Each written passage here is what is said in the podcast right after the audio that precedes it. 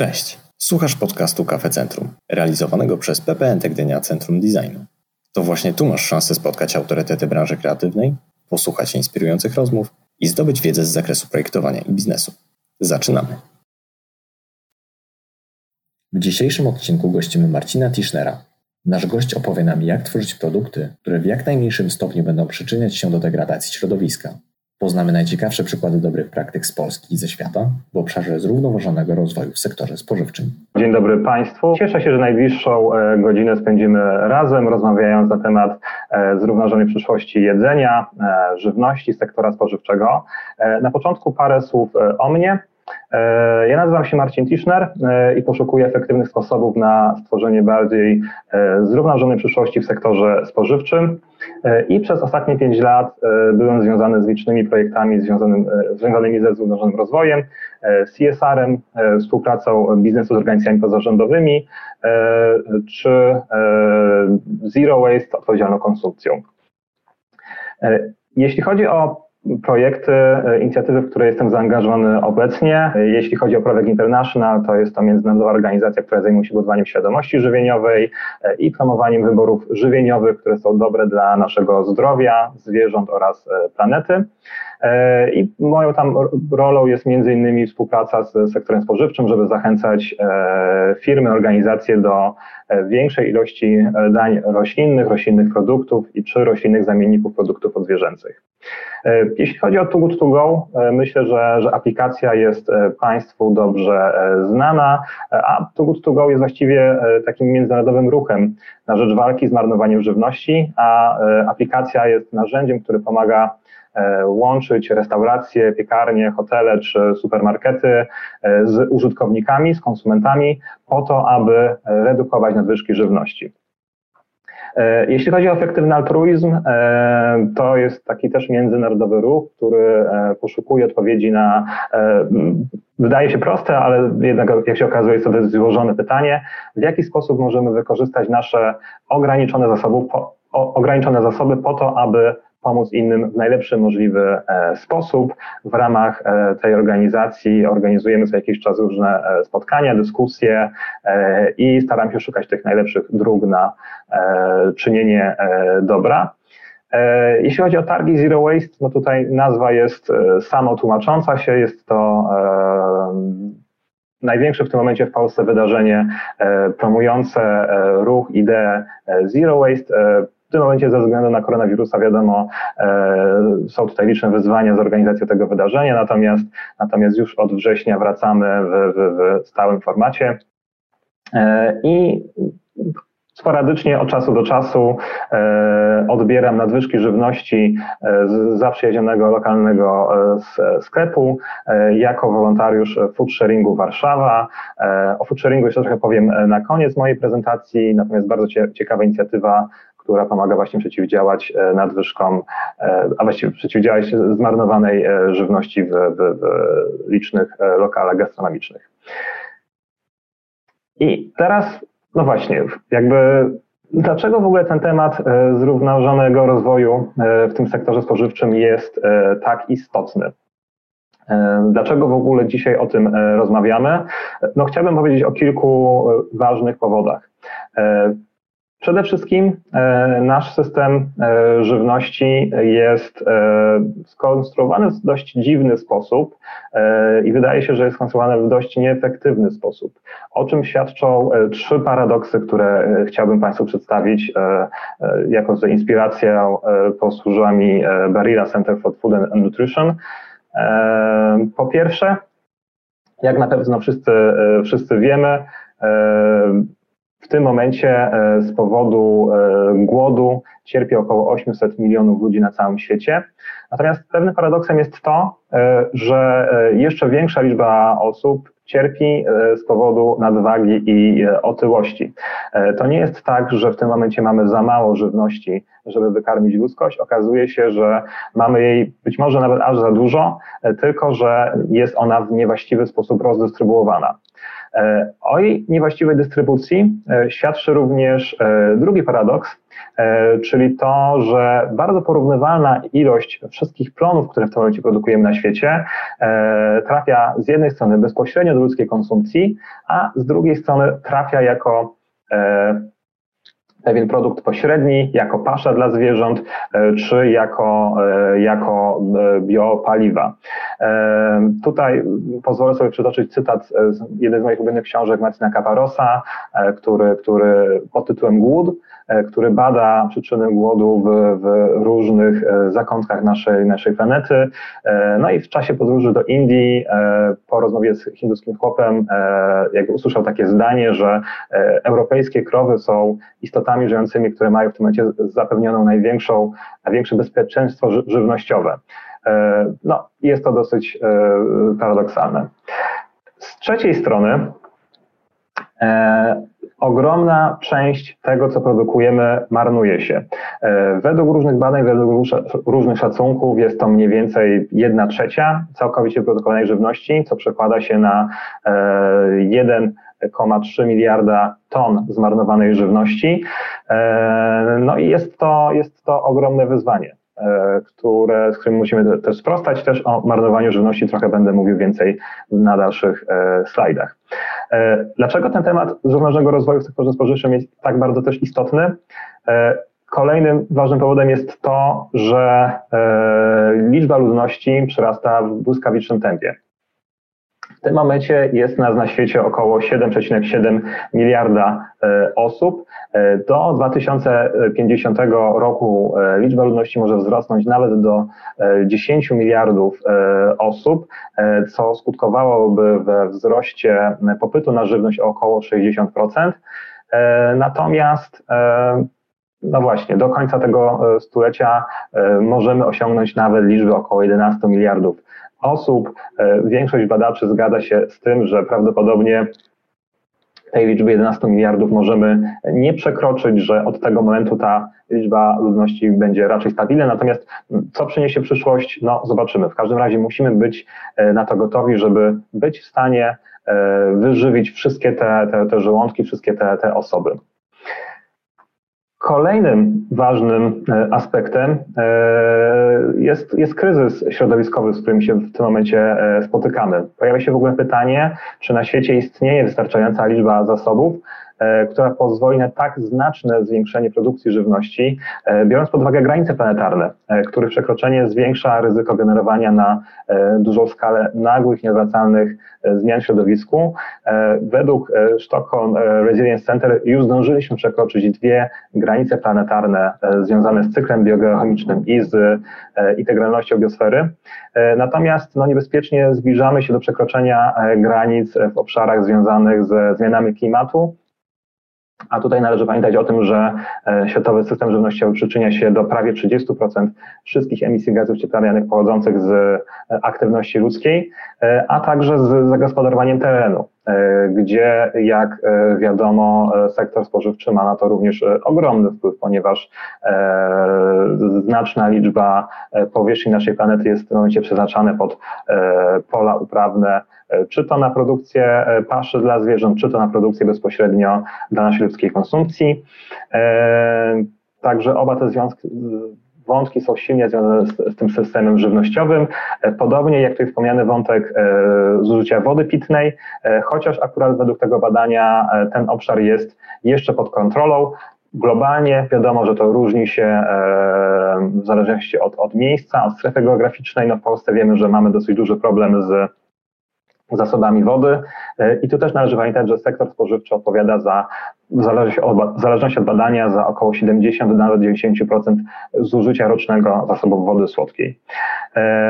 E, czy jesteśmy się zmobilizować jako ludzkość e, do tego, żeby przeciwdziałać tym zmianom, żeby nie przekraczać tych granic planetarnych? Przykład pokazanej tutaj na przykład dziury ozonowej pokazuje, że, że tak, że faktycznie Kiedyś e, dziura ozonowa była realnym, dużym wyzwaniem, zagrożeniem.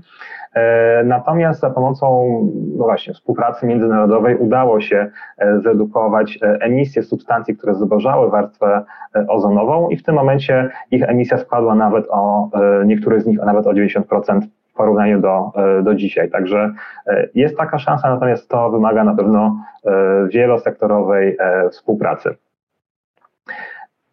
Jakie jest jedno z rozwiązań z tego problemu?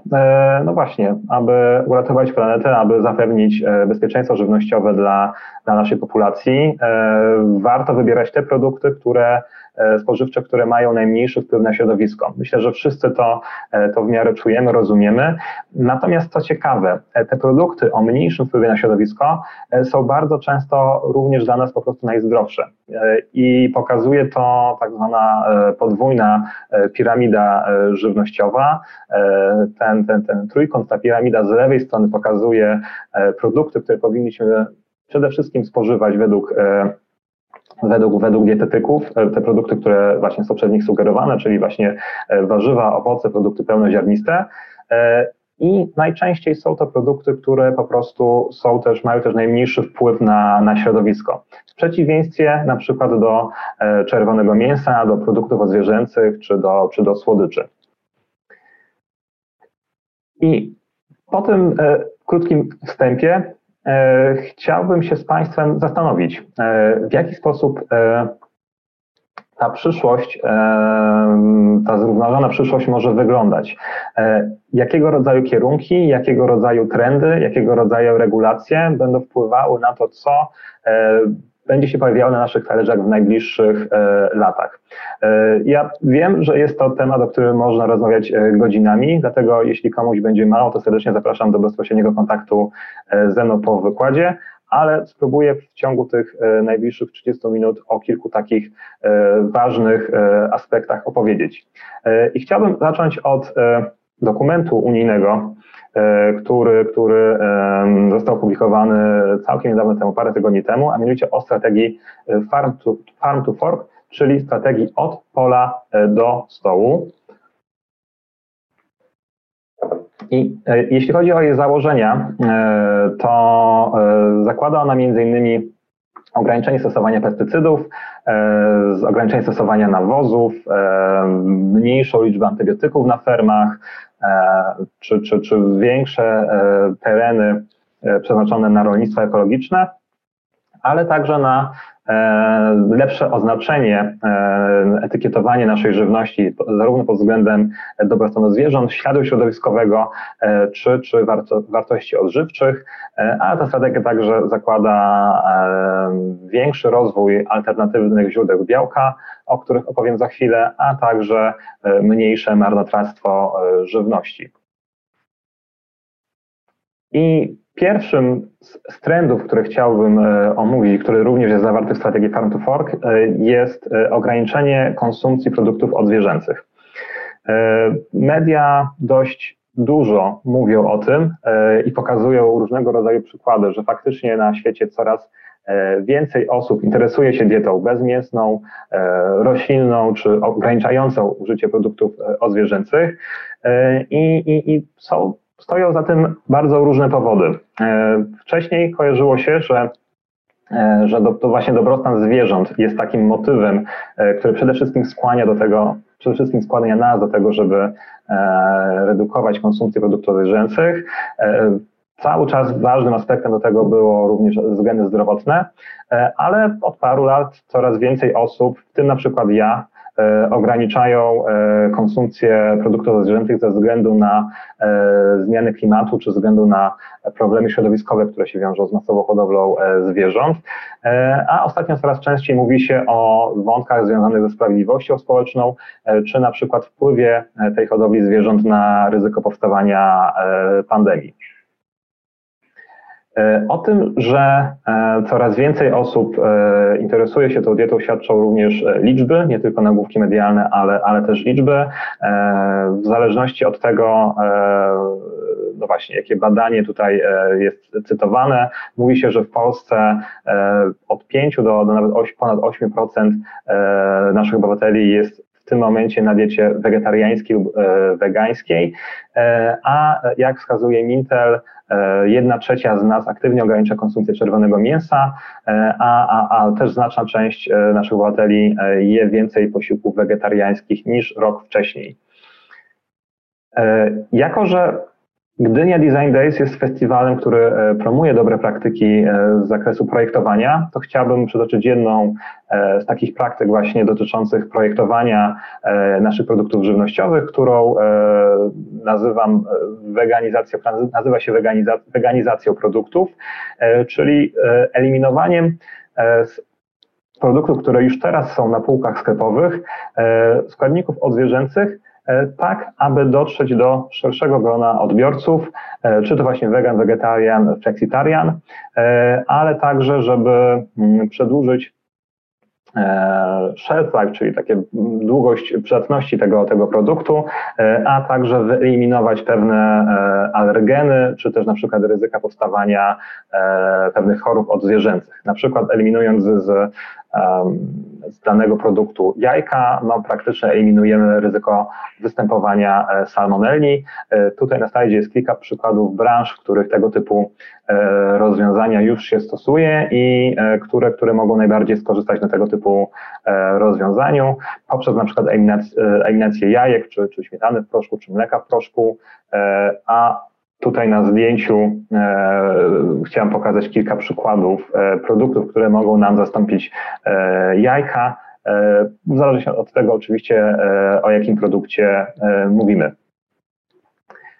Natomiast chciałem się zastanowić, i to też jest być może pytanie do Państwa, co o tym sądzicie, czy jest taka możliwość, żebyśmy wszyscy sami z siebie przeszli na, na dietę wegetariańską czy też wegańską.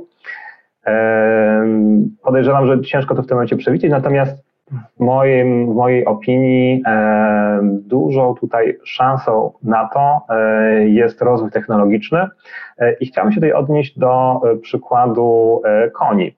E, gdyż e, jeszcze na początku ubiegłego stulecia e, liczba koni stosowanych jako, jako właśnie narzędzie pewnego rodzaju do transportu, czy narzędzie w, w, w rolnictwie stopniowo wzrastała w Stanach Zjednoczonych. Natomiast coś w, w, w kolejnych latach, począwszy od lat 20., e, zaczęło się dziać, że ta liczba e, koni zaczęła drastycznie spadać, gdzie e, należy o tym pamiętać, że, że, że, że przecież liczba ludności w Stanach w tym czasie bardzo dynamicznie wzrastała. Co było przyczyną tego spadku? No, Właśnie rozwój technologiczny. Tutaj e, samochody skutecznie e, wyparły konie jako e, narzędzie zarówno transportu, jak i, jak i pomoc w, w, w uprawianiu roli. E, I dlaczego o tym mówię? E, ponieważ uważam, e, że podobnie rozwój technologiczny wpłynie na to, że nasz, nasz pokarm, nasz, nasze białko będzie pochodziło z innych źródeł niż obecnie, a mianowicie będzie ono pochodziło między innymi z roślinnych zamienników mięsa i produktów odzwierzęcych.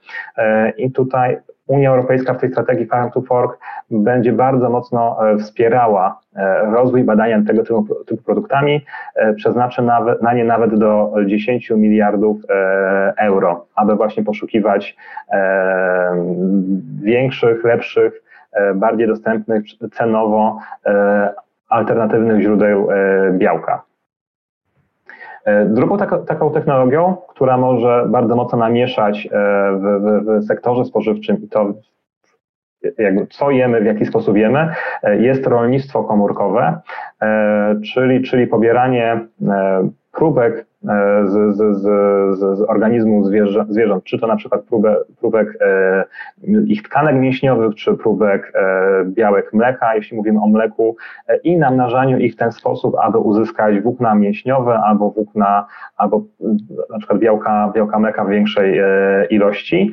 E, no i tego typu produkty już niedługo powinny się pojawić na, na naszych półkach sklepowych. Kilka startupów deklaruje, że na przykład mięso hodowane komórkowo, e, czy e, owoce morza hodowane komórkowo pojawią się już w sprzedaży nawet w przyszłym roku.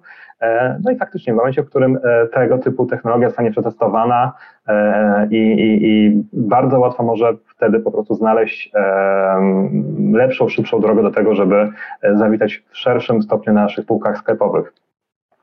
E, tego typu technologia rozwiązywałaby etyczny problem związany z hodowlą, masową hodowlą zwierząt, e, przyniosłaby liczne korzyści środowiskowe, e, ale także zapewniłaby większą sterylność, czystość w produkcji poprzez eliminację na przykład antybiotyków, pestycydów czy, czy hormonów albo szkodliwych bakterii, ale także po prostu mogłaby w dłuższej perspektywie obniżać koszty E, wytworzenia mięsa i, i produktów e, odzwierzęcych. E, tutaj jako ciekawostka na, na zdjęciu jest tak zwany mięsny liść, czyli eksperyment, który, który przeprowadzili w zeszłym roku naukowcy z Centrum Nauki Kopernik w ramach Festiwalu Przemiany.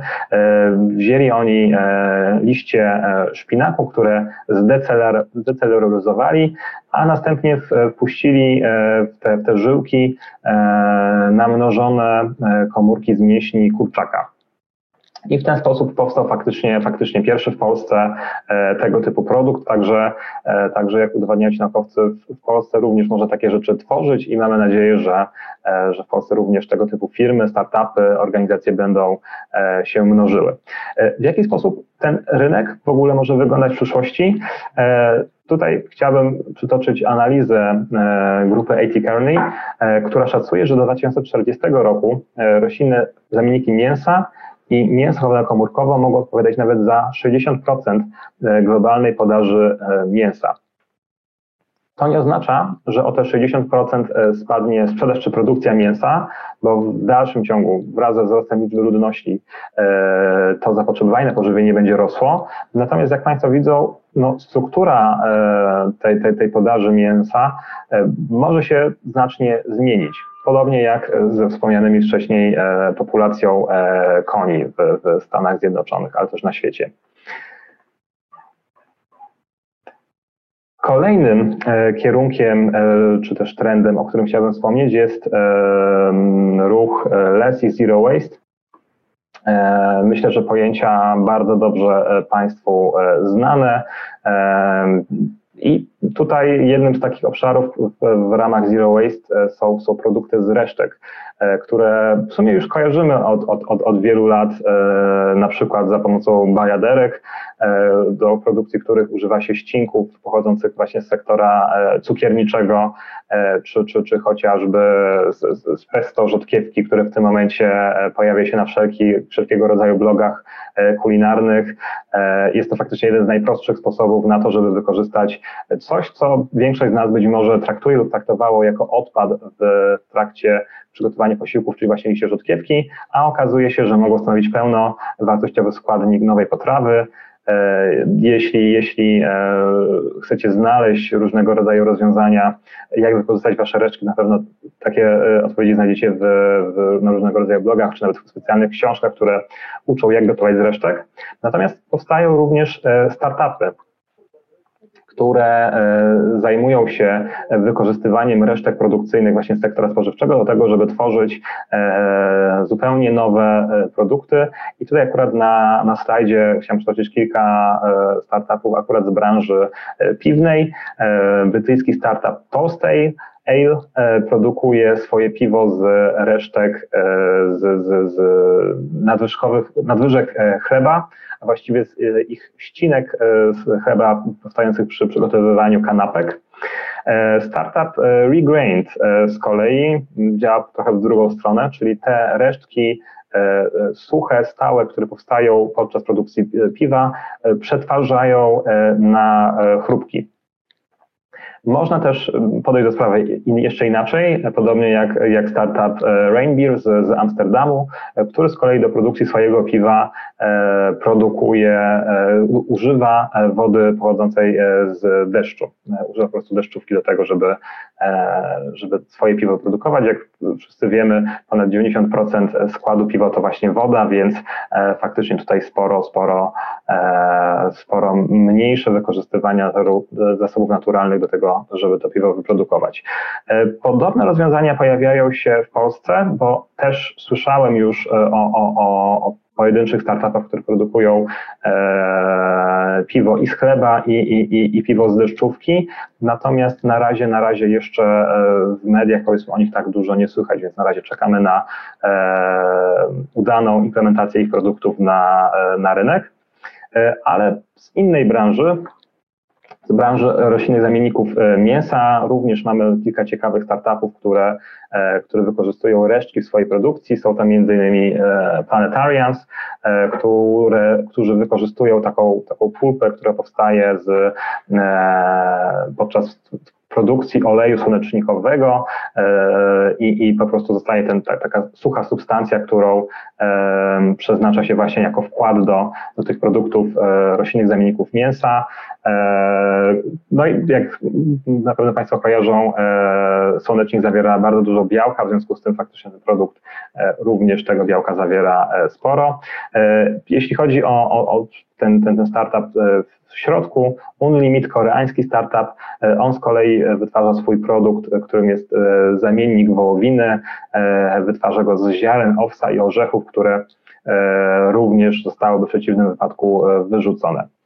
E, no i trzeci startup, e, węgierski e, startup Plancraft, który produkuje swoje produkty zamienniki mięsa z bananów, ale także z wyrzuconych pestek winogron, które są odpadem w, przy produkcji wina na Węgrzech.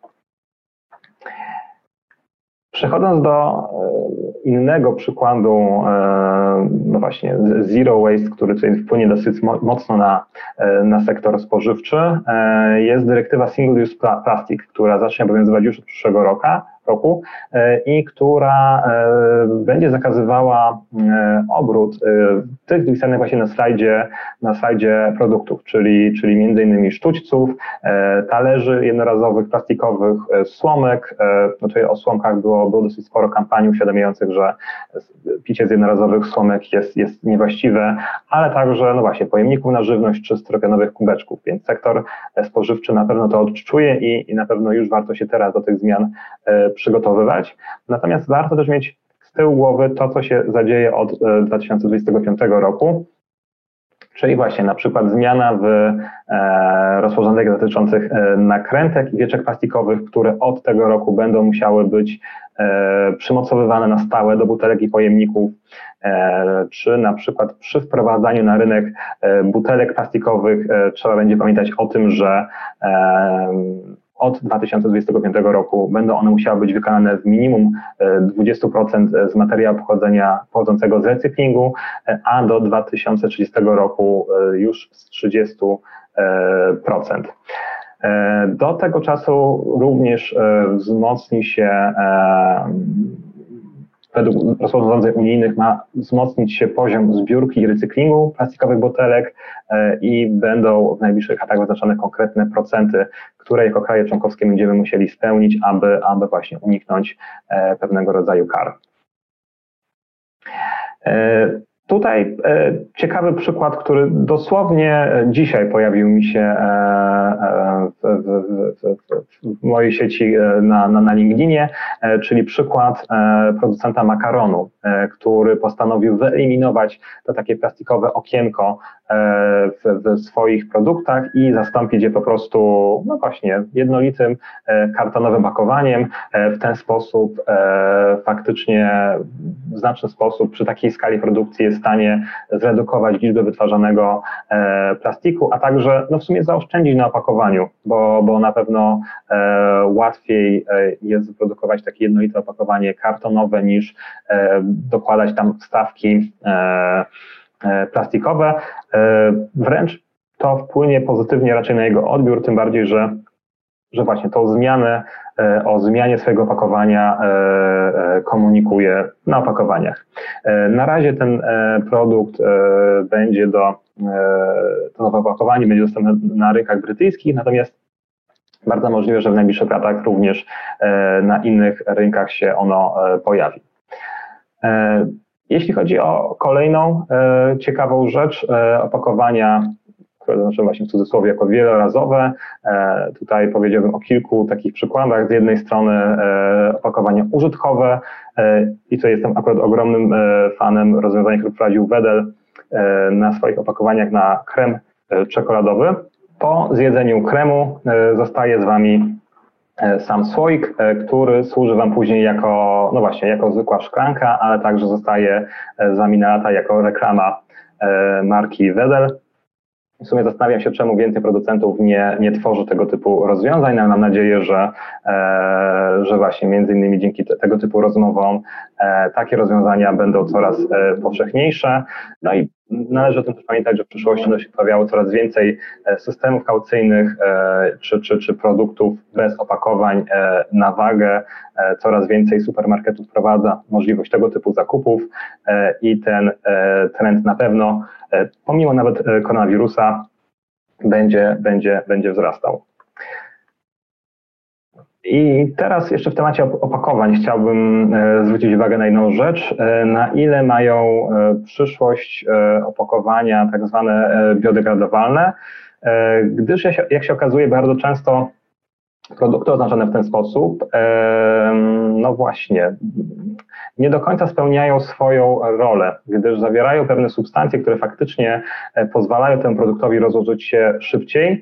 Natomiast, e, no właśnie, ten materiał potrzebuje specjalnych warunków do tego, żeby e, mógł się rozłożyć, na przykład odpowiedniej ilości tlenu czy bakterii, których zazwyczaj nie ma ani przy domowym kompostowniku, ani tym bardziej na wysypisku śmieci, a właściwie no chyba nawet w Polsce nie ma e, takiej, takiej e, kompostowni, która by była przygotowana na przyjęcie tego typu e, biodegradowalnych odpadów. Dlatego warto, wybierając opakowania oznakowane w, jaki, w jakikolwiek sposób, wybierać te, które są oznaczone jako kompostowalne. To tyle, jeśli chodzi o temat opakowań. I Chciałbym jeszcze zwrócić uwagę na, na jeden trend, e, czyli, czyli e, marnowanie żywności. Tak jak wspomniałem wcześniej, e, strategia Farm to Fork również chce się zabrać za ten temat, gdyż w tym momencie marnujemy w Unii Europejskiej nawet 20% wyprodukowanych produktów, co się przekłada na około 88 milionów ton żywności, którą wrzucamy rocznie. I tutaj chciałbym powiedzieć o, o, dwóch powiedzmy kierunkach, które, które mogą e, tem, tym zjawiskom przeciwdziałać. E, z jednej strony są to różnego rodzaju aplikacje i inicjatywy, między innymi To Good To Go, o którym, e, o którym wspomniałem na samym początku, e, ale także, e, żeby, no właśnie, tutaj nie, nie reklamować tylko innej aplikacji, chciałem dopowiedzieć także o aplikacji Foodsi. Obie te aplikacje mają na celu informowanie użytkowników, konsumentów o nadwyżkowej żywności z okolicznych lokali gastronomicznych. Dzięki temu użytkownicy mogą kupować ją po obniżonych cenach. Tego typu rozwiązania zaczęły się pojawiać w Polsce równo rok temu w Polsce, być może nawet trochę ponad rok temu w Polsce e, i już teraz mają swoje wymierne, realne efekty. W związku z tym e, należy zakładać, że e, tego typu rozwiązania będą coraz powszechniejsze. E, na naszym rynku. E, z drugiej strony e, food sharing, to nie tylko food sharing Warszawa, bo, bo, bo lodówki sąsiedzkie i food sharing działają również w innych miastach i już teraz pozwalają ratować dziesiątki, jeśli nie setki ton żywności rocznie. Idea jest, jest prosta. Jeśli masz jakieś nadwyżkowe jedzenie jako osoba indywidualna czy jako lokal gastronomiczny, możesz przynieść je w momencie, w którym ono się nadaje jeszcze do spożycia e, do e, tak zwanej lodówki sąsiedzkiej, czyli punktu, które no właśnie ma lodówkę, ma półki, gdzie tą żywność można zastawić i którą każda inna osoba może odebrać i w ten sposób wspólnie z Tobą tę żywność uratować. Są też inne aplikacje, tak jak na przykład jak ShareFood 43, który jest poniekąd takim food sharingiem online, czyli jeśli jako osoba indywidualna masz E, na zwyżkowe jedzenie, którego wiesz, że już nie przejesz, e, możesz o tym e, poinformować użytkowników tej aplikacji i w ten sposób zgłoszą się oni do Ciebie po odbiór Twojego jedzenia. Ale można też do, do problemu podejść nieco inaczej, tak jak na przykład startup Venturis Choreka, który instaluje w punktach gastronomicznych, w szkołach, w szpitalach aplikację, która pozwala na zmierzenie ilości marnowanej żywności. W ten sposób możesz lepiej poznać strukturę i źródła tej marnowanej żywności, dzięki czemu możesz na przykład zidentyfikować, skąd e, najczęściej biorą się te nadwyżki żywności, e, a następnie zastanowić się, w jaki sposób można je e, wyeliminować.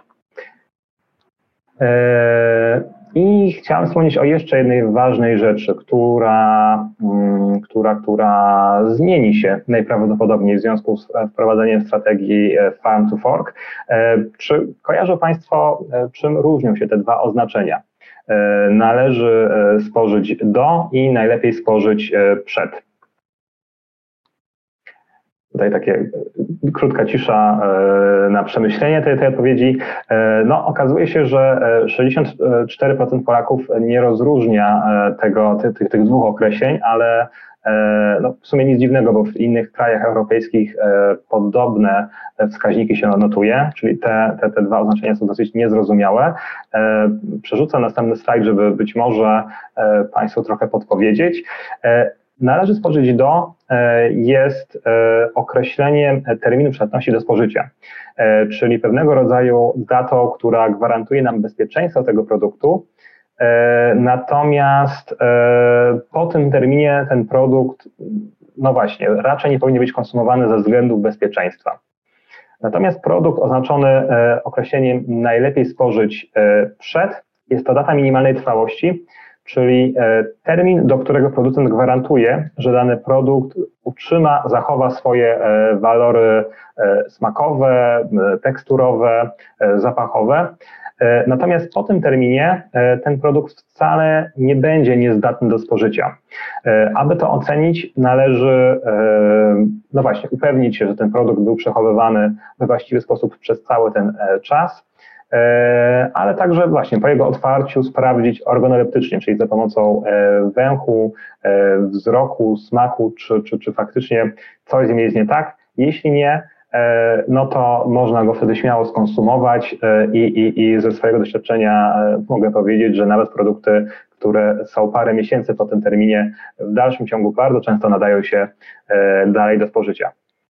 I jakby trzy takie proste słowa, a, a, a, a jakie mają na znaczenie? No okazuje się, że duże, ponieważ Komisja Europejska szacuje, że właśnie między innymi ze względu na niezrozumienie tych terminów marnuje się w Unii Europejskiej nawet do 10% produkowanej, do 10% żywności, która się marnuje, właśnie pochodzi z, z, tego, z tego problemu, z, z, między innymi ze niezrozumienia, czym różnią się te, te dwa określenia, e, więc, więc do 2023 roku e, powstaną konkretne sugestie, konkretne e, zmiany prawne, które mają jakoś temu problemowi przeciwdziałać.